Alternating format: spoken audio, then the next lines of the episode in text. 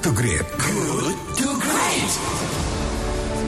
Terima kasih Anda masih bersama kami di Good to Great because good is the enemy of great dan kita masih berada di sesi diskusi yang pagi ini membahas tema bagaimana mengoptimalkan perlindungan pada tenaga medis sebagai pejuang di garda depan melawan pandemi corona, virus corona ya. Dan kita akan berbincang-bincang dengan narasumber berikutnya yang sudah terhubung di ujung telepon Dr. Hermawan Saputra, Satgas COVID-19 dari Ikatan Ahli Kesehatan Masyarakat Indonesia.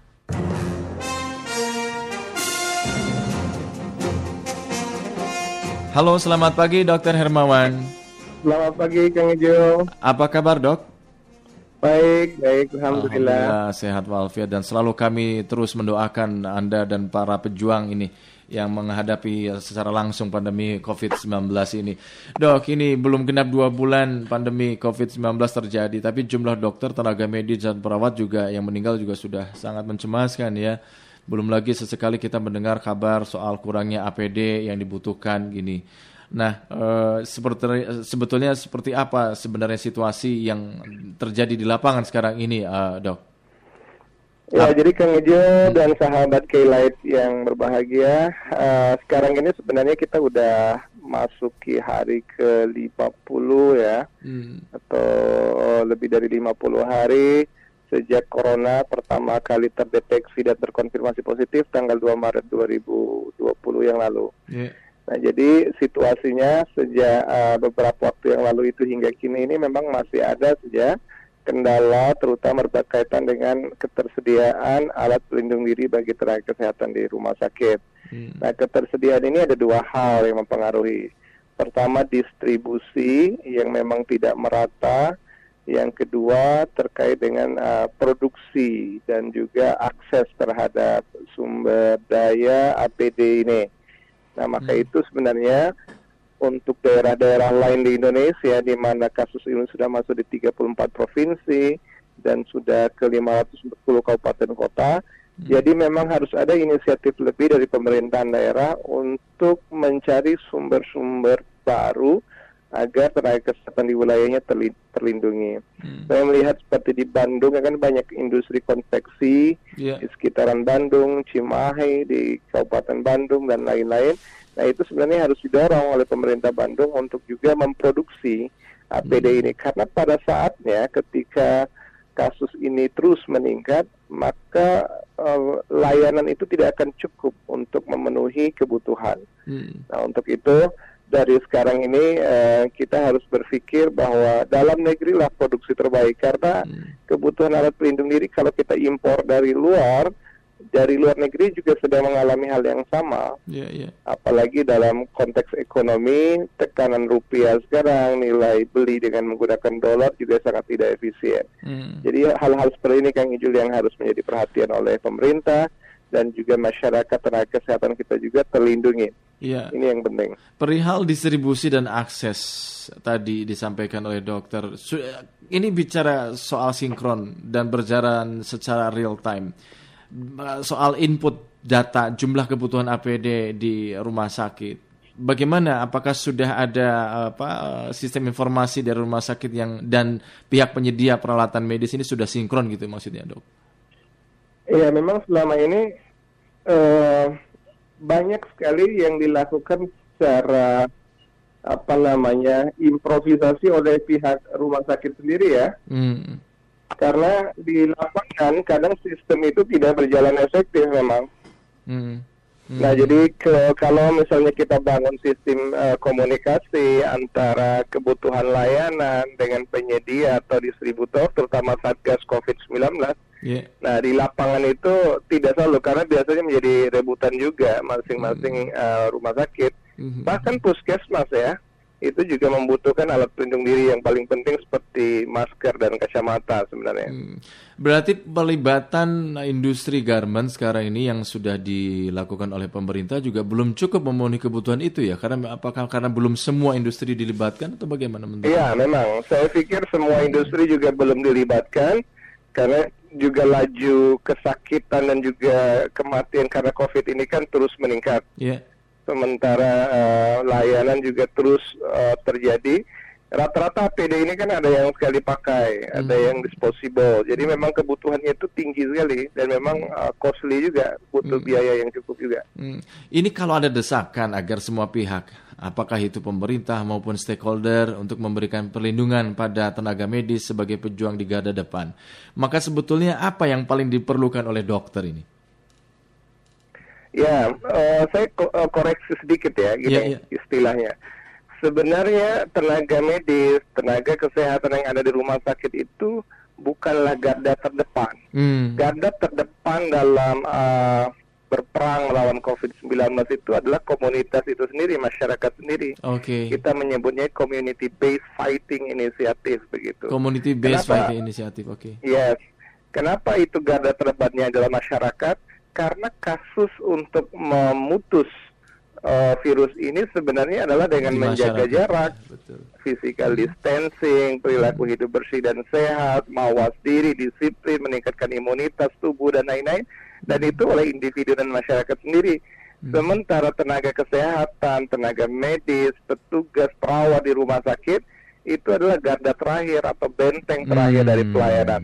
Tetapi kalau hari ini aja benteng terakhir udah jebol misalnya, Iya, iya, iya. udah pada berguguran, benteng terakhir berarti tandanya itu tidak berdaya garda terdepan lapangan. Hmm. Nah untuk itu persenjataan biasanya juga kalau dalam eh, film-film laga gitu kan kalau misalnya benteng terakhir itu pastilah senjatanya bagus, orangnya iya. hebat, pendekar begitu. Iya, Nah iya. tetapi di pelayanan kesehatan kita ini terlihat bolong Hmm. karena banyaknya rumah sakit fasilitas kesehatan yang tidak punya standar dalam penanganan ini karena juga ketidak ketidaktersediaannya APD yang baik dan standar juga. Iya, iya. Itu Kang Ijo. harus dirubah mindsetnya kalau begitu dok ya karena kan kalau tadi disampaikan bahwa tenaga medis dokter menjadi garda pejuang di garda depan sehingga ada kesan di masyarakat ya udahlah kan ada tenaga medis ada dokter ya That's why. Hmm, ya ya ya Ah betul. Jadi sahabat K-Light, Kang Ijul yang ceria dan bahagia.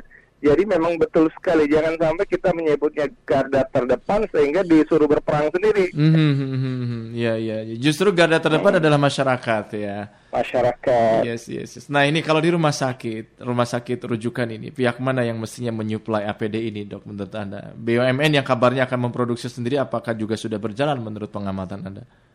Nah, jadi di Indonesia ini agak eh, unik juga ya. Eh, Nah, Kementerian BUMN itu beda dengan Kementerian Perdagangan, mhm, beda dengan Kementerian Industri, Mhm. bukan juga Kementerian Kesehatan. mhm, Jadi memang di sini saja terlihat protokol atau prosedur untuk ekspor impor pengadaan alat berbeda.